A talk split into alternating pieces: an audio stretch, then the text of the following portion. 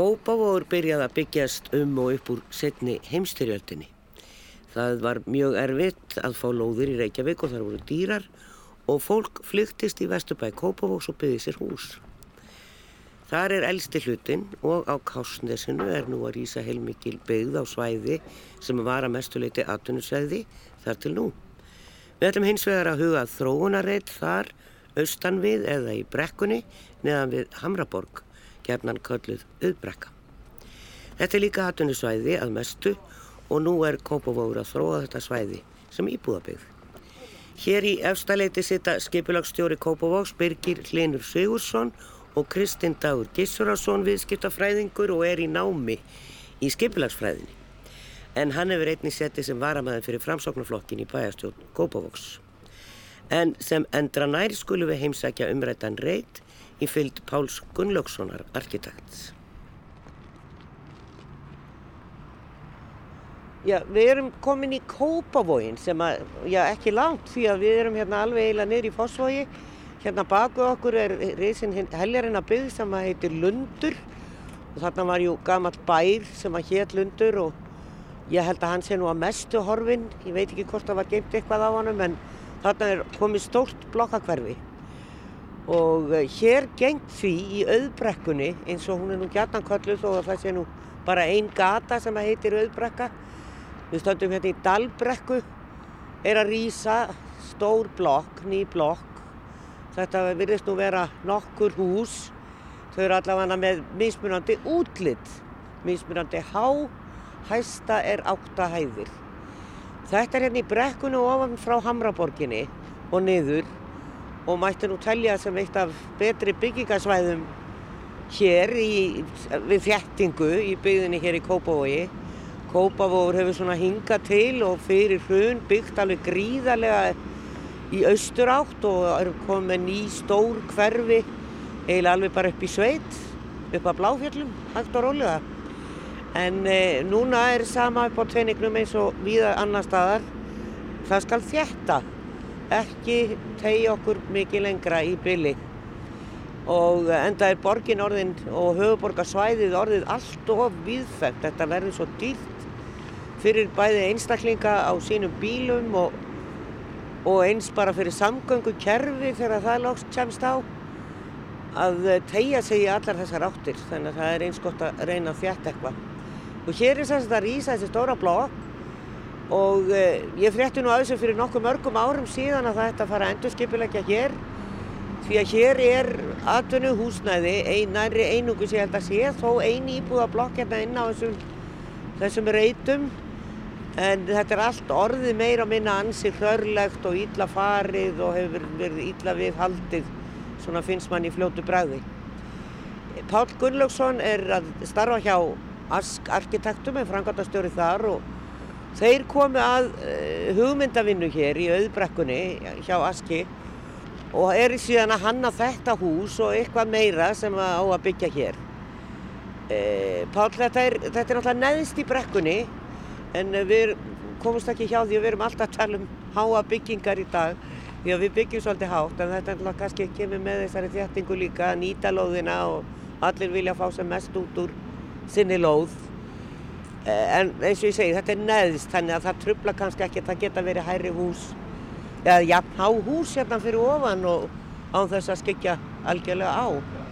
Þegar skipulagi var gert eða þegar svona, við getum sagt að það verið gert að ramma skipulag af þessu svæði þá var gert að ráð fyrir því að lagð áherslu á það svo byggð sem er efst á hæðinni, kópáshæðinni, hún myndi missa sem minnst útsýni síðan var gert þeirra ráð fyrir því að byggðin væri svona mismunandi há þú talar um áttahæðir, þetta fer svona niður í, í, niður í fjórar og fimm og kannski upp í átta og síðan er enn en minni hús uh, sumstaðar. Það er uh, þegar verður þeirra að nýta loðunar þá þarf að byggja, byggja þétt og fá mikið út úr þessum, út úr þessum loðum. Við erum hérna fyrir ofan bónus við nýbílavegin þannig að fólk átti að sjá því nákvæmlega hvar við erum staðsett e, og fólk þekkir þetta svæði, það er alveg hérna langt inn úr bara fyrirtæki og fáar íbúðir. Það er svona bara tölverkt lengra inn að þá komum við á íbúðasvæði. En þetta hafa Kópáðsbúar svona skipilagt á sínu tíma sem sem atvinnusvæði þó svo að Kópavóður sé nú eiginlega ekki, mann finnst Kópavóður stundum ekki verið að skipilaði bæl. Nei, nei, það kannski, það er, menn gera svolítið grína því en Kópavóður er náttúrulega, hefur byggst upp kannski svona svolítið stuttum tíma en samt á löngum vegna þess að þegar frumbyggjarnir voru hér þá voru menn kannski ekki mikið að huga svona skipulagi en það líka það, þetta er eins og með þetta svæði og, og smiðjukverfin að þetta er í miklum halla þannig að þetta er aldrei erfitt, að, þetta er aldrei erfitt byggingaland Þetta hér er norðurbrekka og hefur sennilega þá á þeim tíma verið hugsu sem hendu fyrir, fyrir atvinnustarfsemi. Þetta var nála stoppbraut og, og hallaði norður og þegar menn voru að byggja eins og við vorum að gera í gamla daga kannski eða fyrir nokkrum áratugum þá, þá hugsuðum menn meira um það heldur kannski menn gera í, akkurat í dag. En uh, okkar aðkoma þessu svæði er, er síðan uh, 2014 og þá var haldinn hér svona lítir samkeppni, hugmyndasamkeppni og valdar fimm stofur til þess að vinna tillögu að svona uppbyggingu í, á þessu svæði og þá voru menn að tala um svona blandaða byggð. Og ég vil nú rósa Kópavósbæ fyrir það að hafa farið af stað með þetta vegna þess að þetta var svona eitt af fyrstu endursköpunarverkefnunum hérna á, á landi þar sem menn ætlu, eru að hugsa sér að nýta þá byggð sem fyrir er, bæta inn í hana nýri byggð þar sem hægt er og blandinni meira þar að segja að, kominni, að koma meira inn meira íbúðum í, á svæðið. Vogabyggðin tekur svo við kannski svona svolítið eftir sem er á, að svipuðum toga en hér hefur við kannski lendi, hefur við eða Kópásbar lendi þeirri svona vandamálu sem náttúrulega fylgja svona uppbyggingu og það er að eignarhaldið er svo dreift. Já. Og hér hafa alls konar aðilar komið sér fyrir og menn eiga hér allt frá bara 20 fermetrum upp í 20.000 þannig að það er svona daldi erfitt að koma byggingum á stað hér. Húsið sem við stöndum við hér er á lóð sem var í eigu, að mestuleiti í eigu eins þróunaraðila og bæjarins að hluta. Þannig að hér gekk þetta nokkuð vel og síðan á lóð hérna við Skeljabrekku sem er vestan við okkur sem við erum að vona að komast að stað fljóðlega. Þar er það líka bærin og eitt þróunaraðili sem eiga lóðirnar. En að öðru leiti er þetta mjög, mjög fjölbreytt. Við hefum gert svona rammaskipula fyrir allt, allt svæðið, þetta svæði hér og reynd að halda okkur við lóðamörk og, og síðan hafa menn verið svona að taka kannski eitt bita í einu, einu svolítið. Við sjáum hérna við nýbílaveg 10 þar sem við verðum að byggja á einni lóð. Þannig að þetta er svona smám saman að fara af stað. Það verður að vinna, það er búið að vinna deiliskypulag þessum fyrstu áfengum hér. Síðan er núna að fara á stað deiliskypulag, endalegt deiliskypulag á na, síðustu áfengunum. Og það maður kannski segja þetta svæði sem við höfum kallað auðbrekku, við höfum kallað þetta ný auðbrekka. Og, og, og það kannski sko eins og þú sagði sjálf kent við eina götu en menn þekkja þetta svona sem auðbrekkuna að þetta er land sem er svona um það byrju 75.000 fermetra að umfangi og samkvæmt okkar rammaskipilagi þá var gert ráð fyrir því að hér væri byggt um það byrju 100.000 fermetrar byggingamagn 95-100.000 fermetrar samtals þar að segja að nýtingarhlutat væri rúm, rúmur 1 og það var líka gengið út frá því að 60% af því byggingamagnu væri íbúðir og 40% væri atvinnustarfsem. Ég sé hérna á neðstu hæðanum eins og já, er núna bara, það er ekki á öllum en, en hérna alltaf niður við hotni þar eru stóri gluggar þannig að það er reikna með einhverju atvinnuhúsnaði hér á neðstu hæðum í allavega einu húsinu. Þess, þetta hús hérna við Dalbrekku, þar er gert ráð fyrir íbúðum uh, sem sagt uh, hérna austamegin en vestur, vesturendin eru skrifstór já, og vestlun hérna á, á, jarðar þannig að þetta er svona blanda af vestlun og, og íbúð, íbúð. Og skrifstof og skrifstofn. Þannig að það er, það er, og það er líka það er hluti sem við erum náttúrulega erum að reyna að gera. Annarkort að taka svona hluta af húsi og gera starfsemi eða þá að reyna að gera jarðhæðirnar lifandi. Þá við skulum kannski ganga þetta aðeins upp fyrir það því við horfum hérna eiginlega bara beint upp í loft Já, já. af því að við erum svo nálagt húsinu en það væri gaman að við sjáum svolítið brekkuna ef við komum hér upp fyrir húsin. Við kvílum Pálum stund og heilsum upp á gest okkar Birgillin Sigursson, skipulagsstjóra Kópavóks og Kristinn Dag Gissurason, viðskiptafræðing og nema í skipulagsfræðin. Velkomnir. Takk fyrir það. Takk, takk. E, sko maður segir nú stundum ef maður er búið í ammalið í salakverfi eða kórakverfi þá fórna maður höndum ég kemst aldrei þaðan aftur og, einhvern veginn þá er þetta svona það sem er gert grín að í kópói gatnakerfið. En þarna þekkja sig flestir á þessu svæði. En e, hins vegar er þetta búið að vera dotti lengi á tekniborðinu að, fara að þróa þarna íbúabið í auðbrekku. Það má segja að fyrstu hugmyndirnar þær eru að verða tíu ára gamlar frá því e, síðan kemur það upp, upp í aðalskipulegin sem er í gildi að við hefum mótað þá stefnu að þjætta byggðina Já, og fara þá frekar inn á við e, í stað þess að vera e, þennjana í austur og auðbrekkusvæðið er eitt af þessum svæðum. Við erum með sex svæði undir núna í, í gildandi aðalskipulegi og þannig að, að, að þetta er svo stefna sem bæjar völda á markað að, að þjætta byggðina og Já. Á þessum stöðum meðal annars í, í auðbrekkunni það sem þarf að taka til hendin eins og hefur komið fram. já. En eh, hvaða sex svæði eru þetta? Það er Kásnesið Já, náttúrulega? við, við, við byrjuðum, má segja, í, í já, á Kásnisinu þá var það Kópavóstúnið, það, það svæði nú að verða fullbyggt síðan er bryggjukverfið okkar uh, að norðanverðu í Kásnisinu og síðan út á hafnasvæðinu við Kásnishöfn og síðan erum við með tvö svæði það er í Smáranum og í Glaðheimum. Þannig að þetta eru þessi svæði sem við höfum verið að einbeita okkur að. Já, Við, það, má, það má auðvitað bæta við þetta sko, það sem að, að við þurfum að taka upp deilistjúpilag uh, í, í, í hérna, Vassendarhlíðinni þar, þar er áallu mikið byggð og við þurfum að þróa það enn og aftur. E, e, og eins musterishæðin Byrji, hvað kollum við hérna, þrófan Vatnsenda- hestúsin þetta er, þetta er köllum eiginlega-. Já, þetta er eiginlega vestast sko, í, í Þetta er fyrir ofan kjóavelli í, í, í Vassenda, Já, Vassenda heiðin. já, Já, mér langar líka til þess að, að, að því að það kom inn þegar þú varst að tala Lísa við, við Pál hinn öru vöxtur í Akkur 1960 frá 1960 hefur sko sjöfaldast mannfjöldin í Kóbói hann hefur ekki náða tvöfaldast í Reykjavík þannig að við sjáum sko hvílíku sprettur þetta hefur verið e, þegar við förum úr vesturbænum eins og þið voru að tala um e, Östubærin, vestur og Östubærin, þar sem auðbrekkanir. Já. Síðan förum við að tegja okkur niður í Fífukvanslandið og upp í, í Smáran, upp í, í, í, í Þingin og, og alveg upp að Ellavatni. Þannig að, en, en það gerist bara á þessum áratökum eftir 1960 Já. og reyndar ekki vel eftir 1980-90 sko, sem við förum að tegja okkur þarna upp yfir. 37 mann sem er búið í Kópói. Gríðalega hraður vöxtur Já, og ég minnist þess e- einhver tíman var Sigurður Heitin Geirdal bæjastjóri tekin í viðtal og þetta var í umræðinu um uh, saminningu sveitafélag á borgarsvæðinu og í sömu andrá var verið að ræða líka sko hraðavöxtin í, í, í Kópavogi til austus og, og hvort að þessi saminningar mál hafi verið í umræðinu. Hann sagði nei en hann neitaði því ekki að hafa rættu hortfyrðinga þannig að svo mikill var vöxturinn á okkur.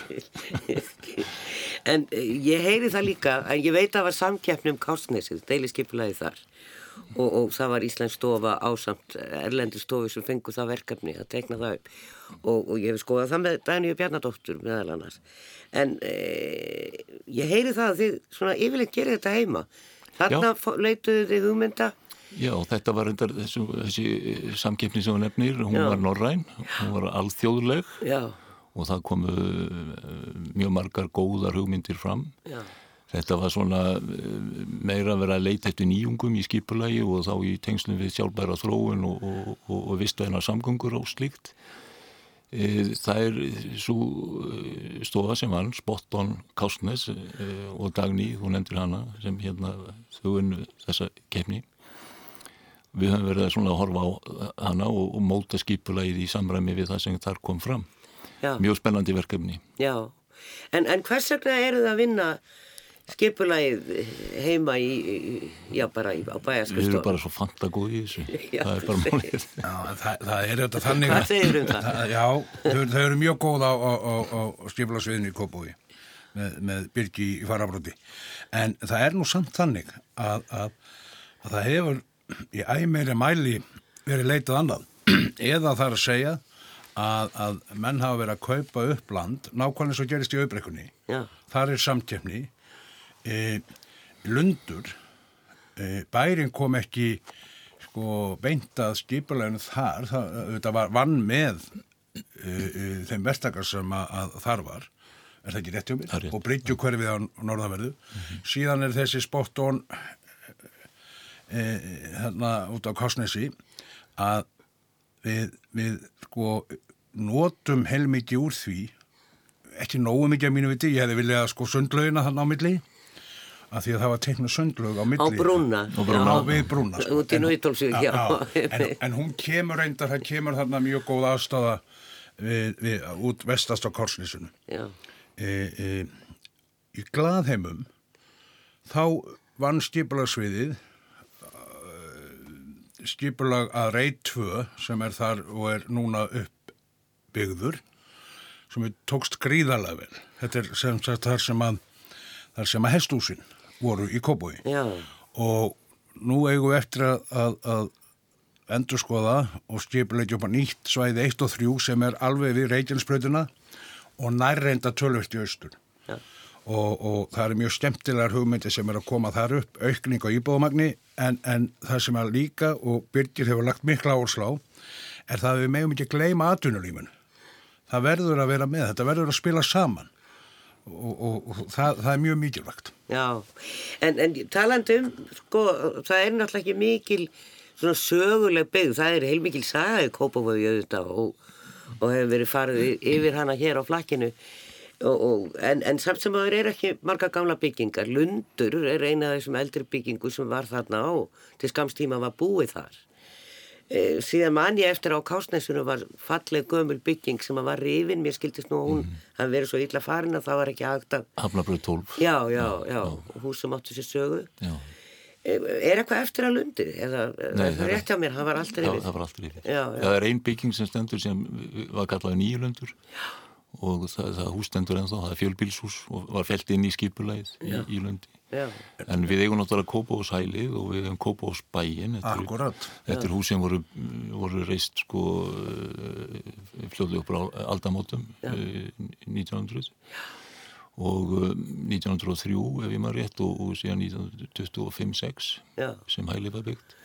Þannig að þau eru þarna og síðan eru ef ég maður rétt um 150 íbúður hús í bænum sem eru byggð fyrir 1950 en það er rétt, þetta er, þetta, þetta er, ungur bær. Já, já. þetta er mjög ungur bær. En, en það, er, það er mjög mikil saga í kringum sko, hælið og, og gamla kópósbæn. Já, Þarna, þarna voru, voru sko, berglasjúklingar, holdsveikisjúklingar og, og, og, og fleira. Að, og, og ég vonast til þess að, að vegna þess að hæli var endurbyggt í uppræðanlegri mynd að ég vonast til þess að þarna verði lífandi safn. Það er að segja að verði einhver starfsemi og síðan verði þetta svona óður til fortíðar. Það, það er mjög mikilvægt við gleymum ekki sögunni. Ég fór, ég fór þetta um með honum uh, sakfræðingi Þorlefi Friðriksinni á sínum tíma já. sem að þekkti þetta svæði afskaplega vel. En, um, en, en sko, maður hugsa stundum að, að vinna allt heima þeir sem þekki þetta frá aðtölu að því eh, eins og ég saði hér í upphæðu þegar ég byrja að spjalla við ykkur þá eru margir sem að tala um að Kópavóðu sé bara alls ekki skipulegur og, og það sé mjög erfitt að rata þar um og, eh, og, og sko þarna í kringum smáralindina og, og lindirnir allar að maður, ég veit ekki hvað það lenda margir í því sem ekki búa á svæðinu að taka ranga beigur og stundum sagt að þeir sem búi í Kópavogi og þá fjölga svo rætt vegna þess að fólk bara hreinlega læstist, læstist inni og byggði sér bara hús og settist af. Ég sa- sagði nefnt hérna þegar þetta kemur upp að, að hérna, þeir sem ekki ratum kerfið í Kópói þeir endi Hafnafjörði Já, svona Hafnafjörða brandaður Já, já, já, nákvæmlega. En eh, já, það er ímyndilegt að þetta gera, en þið er alveg meðvitaður um það, það er það sem að bera varleita, það á að gera það, eða hvað. Er hugsað mikið um það. Hugsa Af mikið þessum um- eldri byggðina, þetta, er- það er aðeins marbakki og, og þarna þessi elsta byggð. Já, við, við hugum auðvitað að eldri byggðinni og, og, og svona fyrir nær gætilega í, í breytingar og svona reynum að stilla það þannig af ef það er hug, hugaða nýri byggð inn í þeirri gömlu að þetta falli nú vel saman. Já, En það er ekki alltaf auðvöld. nei. Hvenar sest þú í stjórn þetta? Í, Kristinn? í, í, stíplasnefndinni. Já, Ég sko er búin að vera í stíplasnefndinni má segja óslíti frá 2010 cirka. Var, var formaður á tímabili og auðvitað á því tímabili þegar ég var formaður þá gerðist þetta allt saman. Sko. já, Það er að segja þá fórum við og, og, og já, Birgir getur stafist að það, þá fórum við mitt í, í þetta auðbrekksvæði að keira það áfram. Við fórum í Glaðheimasvæðið og Korsnesið og vorum að, að, að, að vinna þarna hugmyndavinnu og, og síðan, en þetta tekur allt langa tíma í, í stípalasmála. Það, sko, ef maður heldur eitthvað tækið tvö ár, þá tekur það átt ár. já, Það er svona, sínist mér vera, vera megin reglan í þessu. En ég verða að koma inn á að því þú varst að tala um, sko, stundu verið gert grína að Kópói fyrir hvað var erfitt að komast um þar. Ég held að það sé nú ekki lengur. En þetta var auðvitað í gamla dag því þetta voru, þetta voru allt ómalbyggar götur, þetta var framkvæmdir voru, voru uh, hér og þar og það er alveg rétt að fólk fekk bara leiði til að byggja skúra í Kópói og setja upp matjórstakarða. Það var eiginlega það sem gerðist eftir seinnastrið og, og þannig fór fólk sem vildi bjarga sér.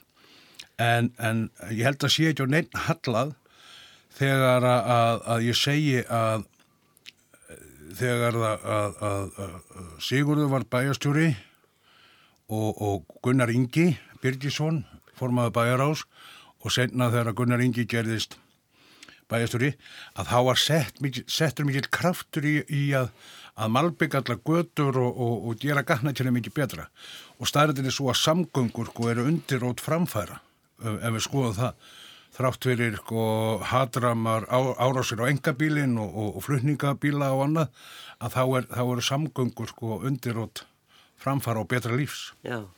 Við skulum gera stuttlíða og fara aftur með Páli Gunnlausinni, arkitekt á í auðbrekkuna. Við gengum hérna aðeins upp dalbrekkuna og fram hjá þessari nýbyggingu sem er svona klárast hægt og bítandi.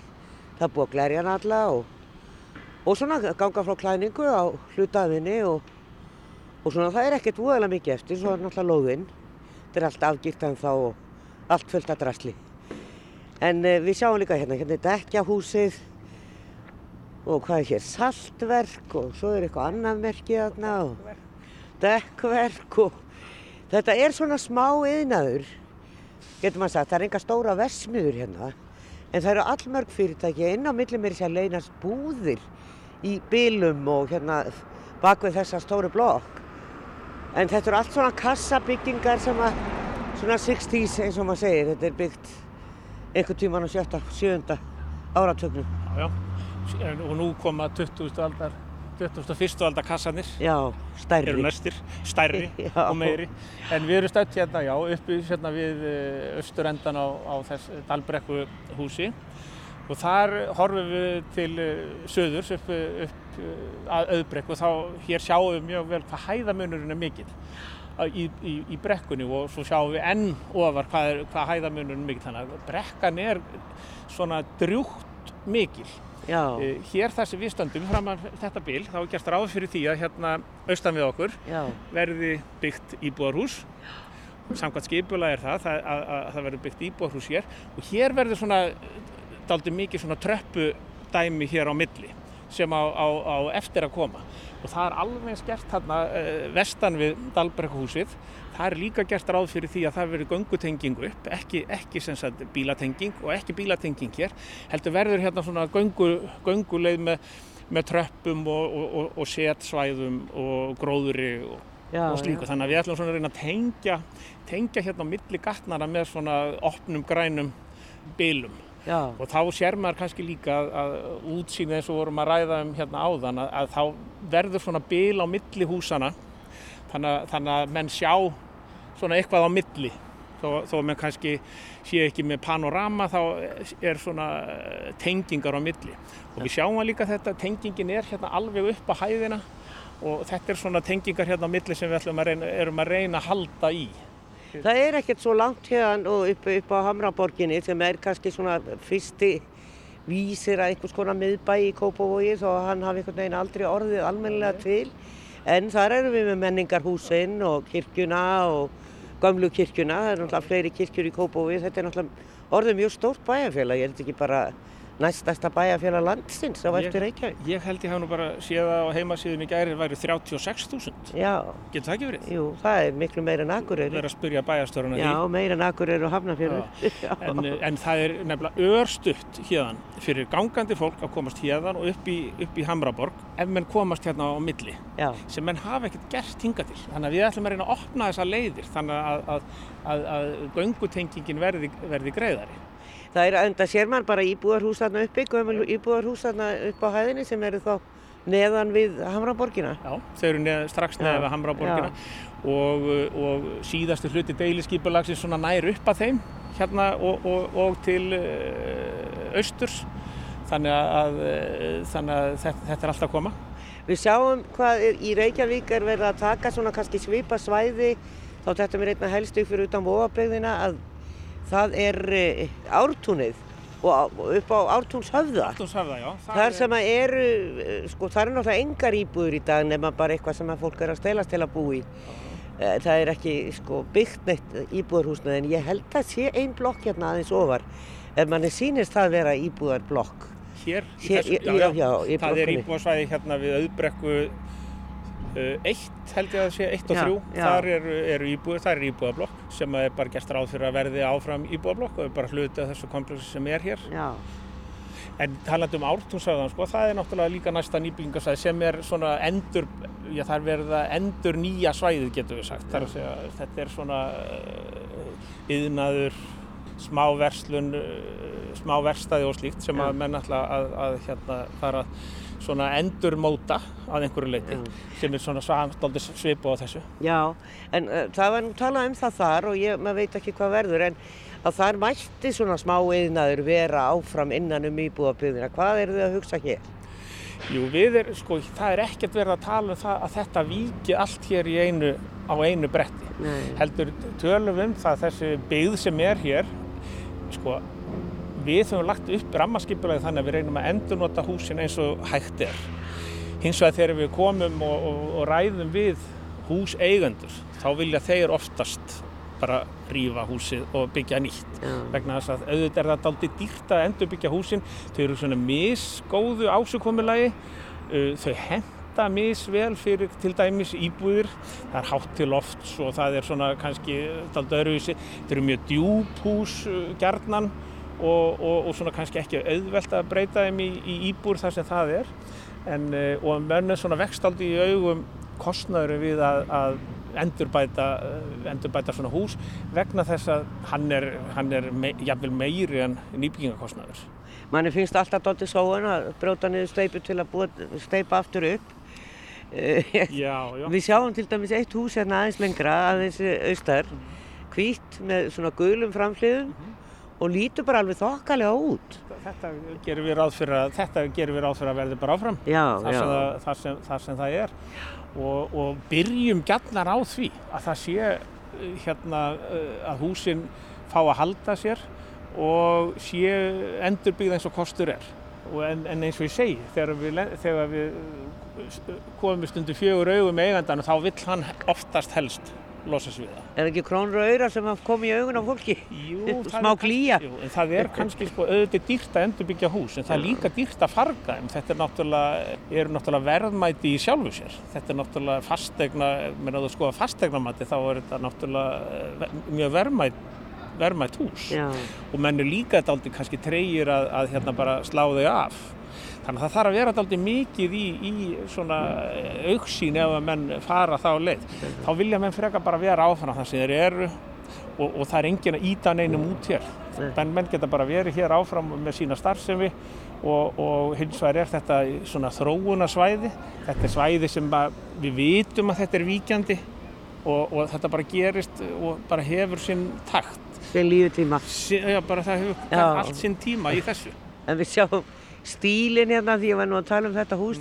Svo tekur annað hús við sem er svona í grænum litum og það virkar einhvern veginn eins og það sé þversinn í lóðina. Já, já. og svo annað mjög langt og stórt með miklum skúrum og svo er hérna eitthvað spánst hús aðeins lengra, ég veit ekki, er það íbúðarhús eða hvað, hvað erum við að horfa á með svona rúnuðum kvistum? Já, þetta eru... Erum við komin í íbúðarbyggð Nei, þannig? erum við komin inn í Laufbrekku sem er eiginlega utan við okkar svæði. Já, En Laufbrekkan er líka svona svolítið sérstök að því leitunum til að hún er að vinna upp landhalla eins og hér. Það sem er gert ráð fyrir að sé sem sagt yðnaður eða starfsemi á jarðhæðinni hérna frá Dalbrekkunni en síðan gengið inn að ofan og þar er íbúð á tveimur hæðum. Aha. Þannig að þetta er svona svolítið uh, sérstakt og maður sér kannski sér þetta ekki víða en Nei. þetta var gert hérna skipulagt svona í Laufbrekkun á sínum tíma og, og, og er svona hluta til sama konsept og við erum, að, við erum að hugsa um, við viljum hafa starfsemina, við viljum fá fólkið og, og viljum fá svolítið lífið í, í, í hverfið. Hér má segja náttúrulega eftir klukkan 5 á daginn þá er bara engin hérna. Allt tóm, já, bara galtóm bílastæði. Það sem við erum að vonast til að með því að auka og eins og er bara, menn er að reikna með í þessum þróunarsvæðum, menn vilja fá uh, náttúrulega fá fólkið miðsvæðis, það er náttúrulega eitt og fá líf á gödurnar, nýta öll þessi bílastæði sem eru hér að íbúar geti hugsanlega sko nýtt þau að samnýta þessa, þessi verðmæti sem liggja í öllum þessum infrastruktúr sem er í svona hverfi eins og þessu. Já.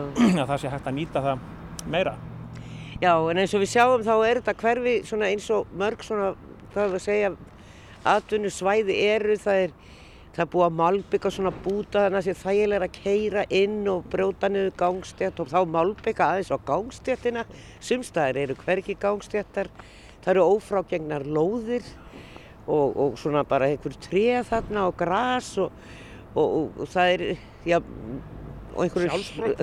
já, til sjálfsbroti og svona eitthvað sem hefur verið hlaðið samt einhver tíman eins og maður sér þarna. Hefur líklega verið sett raungrjót eða grjót og gróðurinn á milli svo hefur enginn hugsað um það.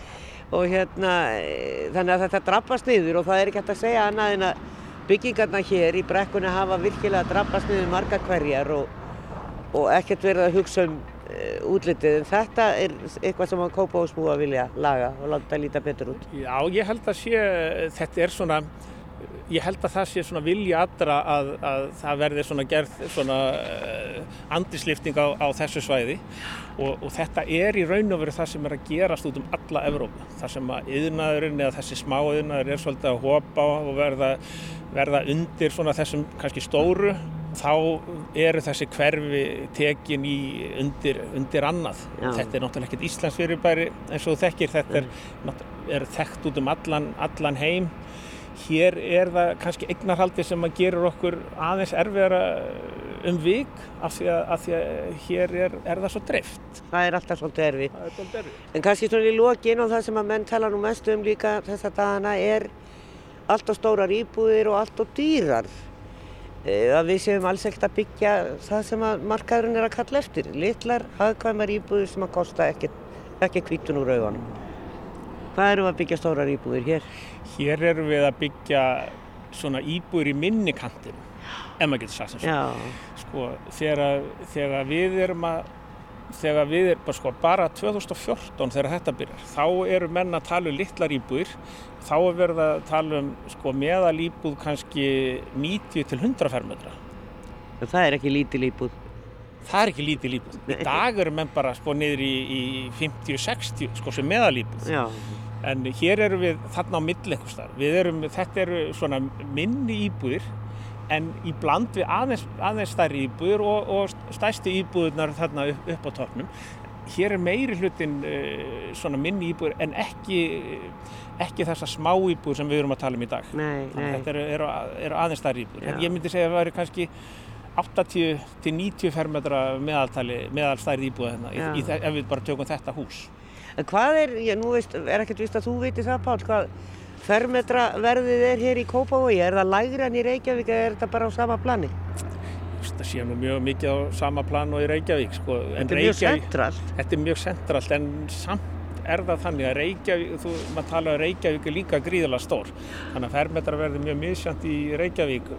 Fermetraverði í Kópavogi er örgulega sko hærra heldur en einhver stær í Reykjavík og, en fermetraverði í miðbænum er kannski hæst í Reykjavík og það er kannski er hærra heldur en þetta. Svo er það leiguíbúðunar, spurning, það er náttúrulega bara bæjastjórinn sem að og þeir sem er í fórsvari þar sem að svara því eru þeir að byggja einhverja leiðuýbúðir í Kópavogi og, og reyna að bjarga fólki sem er bara reynilega á göttunni. Ég þekki það ekki sko, en, en þú bæjarstjórin getur, getur svarað því, en Kópavóksbær hefur alltaf verið, hvað er maður, hvernig maður orðið, það hafa alltaf staðið sér vel í byggingu íbúða fyrir eh, þá sem að Efnaminna, minna, efnaminna fólk Já, já. og, og eru mikið betur heldur en mörg, önnu sveitafjölu. Enda Kópavór og Reykjavík og þetta og þetta er náttúrulega svolítið sama svæði, þetta er sama atvinnusvæði, þetta er eh, svona eh, sama svæði að mörguleiti. Og þar með kveðjum við Pál Gunnlaugsson, arkitekt og tökum upp þráin hér í Efstaleiti með þeim Birgi Lini Sigursinni, skipulastjóra í Kópavogi og Kristinn Degi Gísura sinni viðskiptafræðingi og nema í skipularsfræðanum.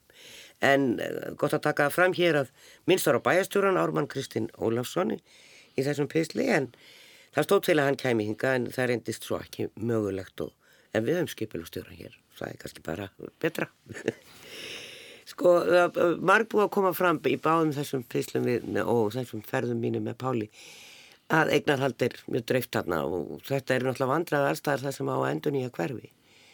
Hvernig hafa mm, svona þeir sem eiga þarna hús yfirleitt tekið því að, að það banka upp á og sagt við viljum byggja? Þettingasvæðin eru alltaf erfiðaðri og meðal annars þetta er eitt af þeim atriðum sem er hvað flóknast að það er að eiga við eignarhaldið og en við höfum kynnt þetta mjög vel, við kynntum þetta verkefni í öðbrekkunni mjög vel og e, meðal annars emdi við til fundar með öllum hagsmunnaðilum þegar við fórum á stað og síndum þessar hugmyndir sem vorum í farvatninu Allir tóku þeim mjög vel. Mm. Ég held að þetta sé bara tíminn sem leiðir í ljós hvernig okkur tekst til í lókin. Þetta er ekki, þetta er ekki auðvelt en, en ég held að þetta hafist nú fyrir rest þegar uppferðu staðið mm. að, að klára þessar, hugm, þessar, þessar hugmyndi sem eru á borðinni hjá okkur. Er það svo, Kristín, að, og er það kannski að, að, að ef einhver segir bara nei, við verum mikla virðingu fyrir eignarætti hér á Íslandi og ef einhver segir bara nei, ég á hérna 20 fermetra bíl og ég vil ekkert byggja, ég vil bara hafa þetta svona. Já, sko, þá er nú, þá er það bara þannig um einhver tíma og, og svo yfirlt sér nú viðkomandi sér hagið því að, að, að, að selja á einhverju tímapunkti eð, eða, eða byggja og, og, og selja þetta. Þannig að ég held að það sé reyndin og eins og, eins og Birgi var að segja að, þetta hefur sér tíma, það er bara byggt það sem hægt er að byggja og, svo eru kannski einhverjir litli reyturinn á milli sem að býða og, og þetta er það sem er, er vandamáli á þróunarsvæðum. Allt annað hjá okkur á gladheimarsvæðinu, þar sem að hestúsin voru, þar getum við gert þetta allt í einu. Ger, gerðum það á, á, á, á svæði 2 sem er nú er, er fullbyggt. En svona á teikniborðin, svona tæknilega séð að þú ert með kannski þrjú svona mjög stór hús og það sem að þrýr aðilar vilja alls ekki ráðast í þetta strax. Mm -hmm. Er þetta byggja í kringum það? Já, það, já, já. það, það er raunin leiðin sem við völdum og, og erum að fara í, eins og jöðbrekkunni. Þannig að, að ég tel að, að þetta hafi svona smítandi áhrif og, og hafi svona dominoeffekt þegar við erum komin á stað og eins og Kristinn Dagur segir þá hefur þetta áhrif á næsta. Já, þetta er svona eins og þegar menn mála húsin sín, já, þá mála næsti líka og eða mitt orði ljót. Já, já en, en svona tölum aðeins um miðbæðalýsi eh, Kópavóks. Það er að vissulegt svolítið skrítið að bæ eh, bæjarfélag sem stækka svona rætt að það skulle ekki hafa myndast meiri miðbær þannig að bara, segjum bara í kringum Hamraborgina. Já, sem er svona ganguvætn og annað því að nú til að missi smáralindin og það er það sem hafa náttúrulega gríðægilega mikið af þjónustu fyrirtækjum að það er ekkert mjög ganguvætt staður til dæmis. Ef ég má aðeins koma inn á þetta þá, þá er það rétt að, að Hamraborgin hefur aldrei náð svona þessari miðbæjar tilfinningu ef það er þetta orðað að þannig. Hins vegar horfum við mjög mikið til Hamraborgarna þegar við vorum að hugsa um auðbrekkursvæði að þarna kæmust á góðar tengingar upp, upp í Hamraborgina og, og svo má segja það hér að það, það eru auðvitað verið að, að spá og spekulera mikið með svæðið sem gömlu bæjaskristóna voru og aðeins austur úr og þarna getur myndast vonandi ef að, ef að, ef að hugmyndir ganga eftir vísir að, að, góðum miðbæ þarna á, á hæðinni en svo erum við náttúrulega með hugsanlegan sko miðbæ nr. 2 e, e, við í smárakverfinu þar sem að, að, að, vestlunarmiðstöðun er og þar sem að við erum að fara að byggja glaðheimum og við erum aldrei upptekinn af því í Kópaví að reyna að fá flæði okkar, þar segja fólksins, yfir reykjarnisbröytina, undir og yfir og erum jáfnvel að, að velta fyrir okkur og erum að velta fyrir okkur að reyna að byggja á einhvern handamáta yfir reykjarnisbröytina. Nákvæmlega svo gerðum við Kópavóstjárna sem að tengdu austur og vesturbæin. Já. Þannig að, að, að það, það, er svona, það er mikil gerjun í, í gangi þarna og til dæmis með Hamraborgina að, að það að við erum með götur í mismundi hæðar mjög slemt. Þú nærið ekki, nærið ekki svona fólki á, á röldinu og uh, sitja og spjalla við næsta og, og, og svona. Þannig að, að það er margt í gangi. Já, já, Hamraborgin er náttúrulega okkar miðbær. Já. Eh, En það er- menningin og allt Það eru það, menningin og stjórnsýslan og, og, og, og það sem við erum að hugað núna það er að e, endurskipulegja e, miðbæinn, Hamraborgina og það myndi þá tengjast þessu svæði sem við höfum verið að ræða í öðbrekkunni. E, markmiðið er að fjölga þá íbúum inn á svæðinu, e, koma með litlar íbúðir, litlar og meðalstórar íbúðir. Það þarf fólk til þess að skapa mannlíf og Já. við erum svona í þeim buksunum, eða í, í, í, í, í, í, í þeirri vinnu núna að, að, að koma þessu vel á stað. Það er, er náttúrulega sko, ég, það er nú nokkur ár síðan ég var þarna með Benjamin Magnúsin, er ekki arkitekt? Já. Og hann hannaði nú þarna þetta torg og hana og þá Mhm. vorum við að tala um að það væri bara bankar.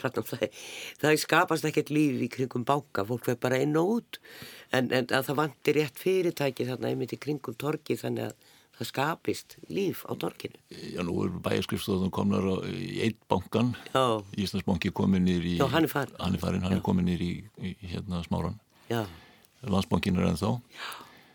Jú, það er alveg rétt, við þurfum einhvern veginn að skapa mannlíf í kringum þessi, þetta ágæta torg sem við kallum hálsatorg. Já. Það er svolítið hart yfir borðið á því, vantar mannlífið, en með því að, að, að, að fjölga í- íbúum inn á þessu svæði, þá er að við teljum, uh, þá munum við auka mannlífið í miðbænum okkar. já, Við erum náttúrulega með eina stærstu skiptistöð almenningsvagna í Hamraborg og um, þannig að við höfum þarna mjög góð tækifæri til þess að gera vonandi góða hluti Já. í Hamraborginni. Það er eitt sem maður, sko, maður kemur, maður sækir alveg ótrúlega oft í Kópavóks því að þar eru alveg ótrúlega mörg fyrirtæki ég, ég skilði þig vel. Er, og svona fjölbreyttar verslanir, bæði í föndri, handavinnu, bíla, vestaði, allt, smi- all, all smiðukverfið, notaðu nýtt bíkó og allt þetta. Það er, eh, er leiguverð ég- sko, ég er svona veðja næstu að það eru fleiri þjónustufyrirtæki í Kópavogi en Reykjavík. Það er svona nánast. Ég held að leiguverð sé ekkit hagstaðar endilega hins vegar uh, hefur Kópó staðið sér mjög vel í því að, að, að, að heimila framkvæmdir og, og, og, og var þekkt hérna ára og máður fyrir að, að, að vera fljótt að afgreða mál og, og, og menn fengu bara lóðir, menn byggðu og þarna myndust bara tækifæri fyrir fólk. E, í Reykjavík hefur allt verið svifa senna ég veit ekki hvernig það er í dag hjóðum en, en ég held að þetta sé nú aðalástaðan Já. Já, er, en maður, það, maður fer ekki að vera sinna á bíl. Svo verð ég að maður segja- fer ekki að lappa þarna dalvegin eða dalbrutina. nei, ég, ég, veist, þetta er, þetta er ekki gunguvænt. nýjustu hverfin okkar, þau, þau eru vinsæl. Já, Þau eru mjög vinsæl og, og ég held að bestu gaggrinendunir á þessi hverfi séu mitt íbúðanir. Fólki líður vel, það er allt í alls, Já. skólanir í gungufjarlægð, vestlun og þjónusta í gungufjarlægð. Gungulegðin eru góðar, gatnakefli gott held ég, það, það er mín skoðun, en suðuhlíðarnar í. Þannig, já, og svo er líka byggð, sko, bara byggð upp allt fífuganslandið alveg frá Reykjanesbrautinu upp í Vassenda, þannig að, að þetta eru stórgóð hverfi að við teljum og ég held að íbúðinni sem ég sagði metið á þannig líka. Ég verði að fá að koma aðeins inn á þetta. Og málið það, við höfum verið afar upptekið við það í, í stýpilagsráðinu að, að reyna að gera þetta þannig að fólk geti farið án þess að kæra úr efri byggðum niðrættir þverað reykjarnisbröytina farið áfram eftir dalnum út á Karlsnesið og þar yfir brúna og niður í miðbæ. Á til dæmis ramagsreiðhjólum Já, á, á lappandi venjulegu hjólum og, og, og það er alveg líkiladrið allavega í mínum huga að við verðum að vera með mjög góðar eh, undir og yfir tengingar varandi já. og, og, og, og þannig að og ég held nú að sé að þetta fara mjög víða gangandi um, um þetta svæði. Annað sem að þetta í lokin voru uh, stærð á íbúðum, það ertu búið að vera að koma fram núna undan þetta mánuði þegar við erum að sjá allar þessar, allar þessar þéttingu og nýjar íbúðir koma, það eru stórar, það eru dýrar, leigumarkaður, er kópáður að hugsa eitthvað í þessum túr, 80-90 fermetra íbúður eru kannski of stórar fyrir fyrstu kaupandur. Ef ég kem inn á þetta varandi pólitíkina að, að, að þá verð ég að segja það að, að ég vorði fyrir vonbreyðum með, með uh, okkar bæjarfellur í Kóbói, ekki bara núna heldur líka á síðasta kjörtímabili. Uh, ég lagði fyrir alla bæjarfellur að erindum það að við myndum fara í það að byggja á kostnaverði fyrir fyrstu kaupendur sem eru síðan jável eldstu kaupendur það er að segja eldra fólki sem er að, að, að, minka við sig egnir og minka við sig og, og fara í minni íbúð e, Málið það að sjálfstæðismenn þeir gerði þetta í gamla daga með byggung Mm. Ég keifti sjálfur hjá byggung ég framsóknarmadurinn keifti hjá byggung í Kóboi, sjálfstæðismennum Já, íbúð og kostnaverði og, og, og þetta var bara mjög þægilegt. Núna vilja sjálfstæðsmenn bara ekki heyra minnst á þetta og reyndar kemur mér að óvart hvað, hvað e, aðrir flokkar í bæjastjórn eru, eru geldir gagvart þessari hugmynd. já, örstuðt Birgir, hefur, viltu leggja árið bæ? Ég, sko við erum náttúrulega með húsnæðis áætlun og húsnæðis stefnu hjá bænum þar sem er verið að leggja áherslu á eh, litlar og meðalstórar íbúðir og við höfum gert samninga, eða bæjarjöld hafa gert samninga við þá aðeila sem er að byggja í, á sumum að þessum þéttingasvæðum e, litlar og meðalstórar íbúðir það sem er erfitt í þessum þéttingasvæðum að það er bara hversu dýrt þetta er. E, það eru bílagemslur undir og það er telja þegar það kemur að því að fara að vesla eitt stykki íbúð. Já. það er hafa áhrif. Þannig að þetta er eitthvað sem við þurfum að, að, að skoða í framtíðinni. Það er að, að, að draga úr þessum blessuðu bílastæðu kröfun sem við erum alltaf að horfa á þegar við erum að þétta þessi svæði okkar. Já, og um, ég veit að borgin hún er, hún er, hún er komin skrifinu lengra hvað þetta varðar en, en við, við, við höfum haldið fast í bílinn, við eigum mikið af bílum. Við erum mikil bílaþjóð. Við erum við erum meiri bílaþjóð heldur en Bandaríkin. er við, við erum komin yfir 830 bíla á hverja þúsund íbúa þannig að, þetta er erfitt. Við viljum bara halda í bílinn okkar. Það er bara málið já, eh, nema þá að fara að breyta ferðavinnum okkar og það verist vera erfitt það er mjög erfitt. En við sjáum hvað borgarlínan gerir fyrir eh, fólk á höfuborgarsvæðinu þegar og hún verður komin í gagnið kannski eftir 10-15 ár þá sjáum við hana. Jésús almáttur Lísa. Já, ég er manniski stræt og þannig ég hlakka bara til. Kristinn Dagur Gísurarsson og Birgir Linni Sigursson þakku fyrir.